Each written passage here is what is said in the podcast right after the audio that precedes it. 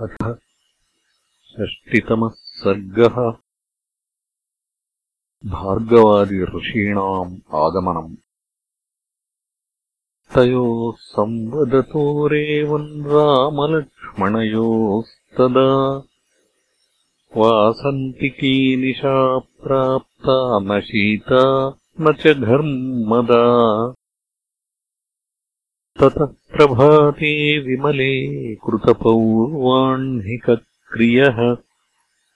अभिचक्रामकाकुत्स्थो दर्शनम् पौरकार्यवित्। ततः सुमन्त्रत्वागम्य राघवम् वाक्यमब्रवीत्। एते प्रतिहता राजन् द्वारितिष्ठन्ति तापसाः भाग्यवत्यवनम् चैव पुरस्कृत्य महर्षयः दर्शनम् ते महाराज्ञः सोदयन्ति कृतत्वराः। प्रीयमाणानरव्याघ्रयमुनातीरवासिनः। तस्य तद्वचनम् श्रुत्वा रामः प्रोवाच धर्मवित् प्रवेश्यन्ताम् महाभागा भार्गवप्रमुखा द्विजाः राज्ञः आज्ञाम् पुरस्कृत्य द्वार्थो मूर्ध्नि कृताञ्जलिः प्रवेशयामास तदा तापसान् सुदुरासदान्।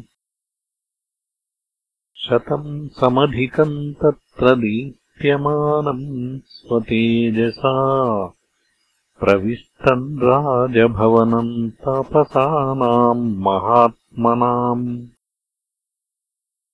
ते द्विजाः पूर्णकलशैः सर्वतीर्थाम्बुसत्कृतैः गृहीत्वा फलमूलम् च रामस्याभ्याहरन् बहु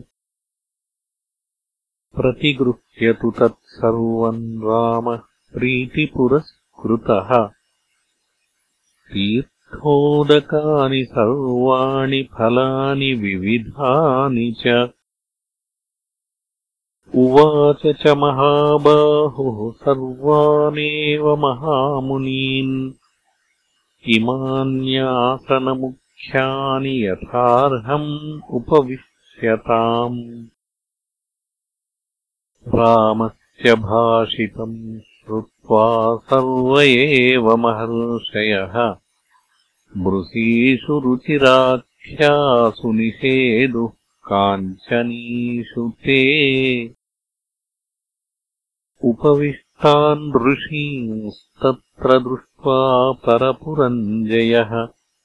प्रयतः प्राञ्जलिर्भूत्वा राघवो वाक् वाक्यमब्रवीत् किमागमनकार्यम् वः किम् करोमि समाहितः। आज्ञाप्योऽहम् महर्षीणाम् सर्वकामकरः सुखम् इदम् राज्यम् च सकलम् जीवितम् च हृदि स्थितम् सर्वमेतद्विजार्थम् मे सत्यमेतद्ब्रवीमि वः तस्य तद्वचनम् श्रुत्वा साधुकारो महान् अभूत्। ऋषीणाम् उग्रतपसाम् यमुनातीरवासिनाम्। ऊतुश्च ते महात् मानो हर्षेण महतावृताः उपपन्नम् नरश्रेष्ठ तवैव भुवि नान्यतः। बहवः पार्थिवा राजन् अतिक्रान्ता महाबलाः कार्यस्य गौरवम् प्रतिज्ञाम् नाभ्यरोचयन्। त्वया पुनर्ब्राह्मणगौरवादियम् कृता प्रतिज्ञा ह्यनवेक्ष्यकारणम् ततश्च कर्ता ह्यसि नात्र संशयो महाभयात् प्रातुमृषीम् स्वमर्हसि इत्यार्षे श्रीमद् रामायणे वाल्मीकीये आदिकाव्ये उत्तरकाण्डे षष्टितमः सर्गः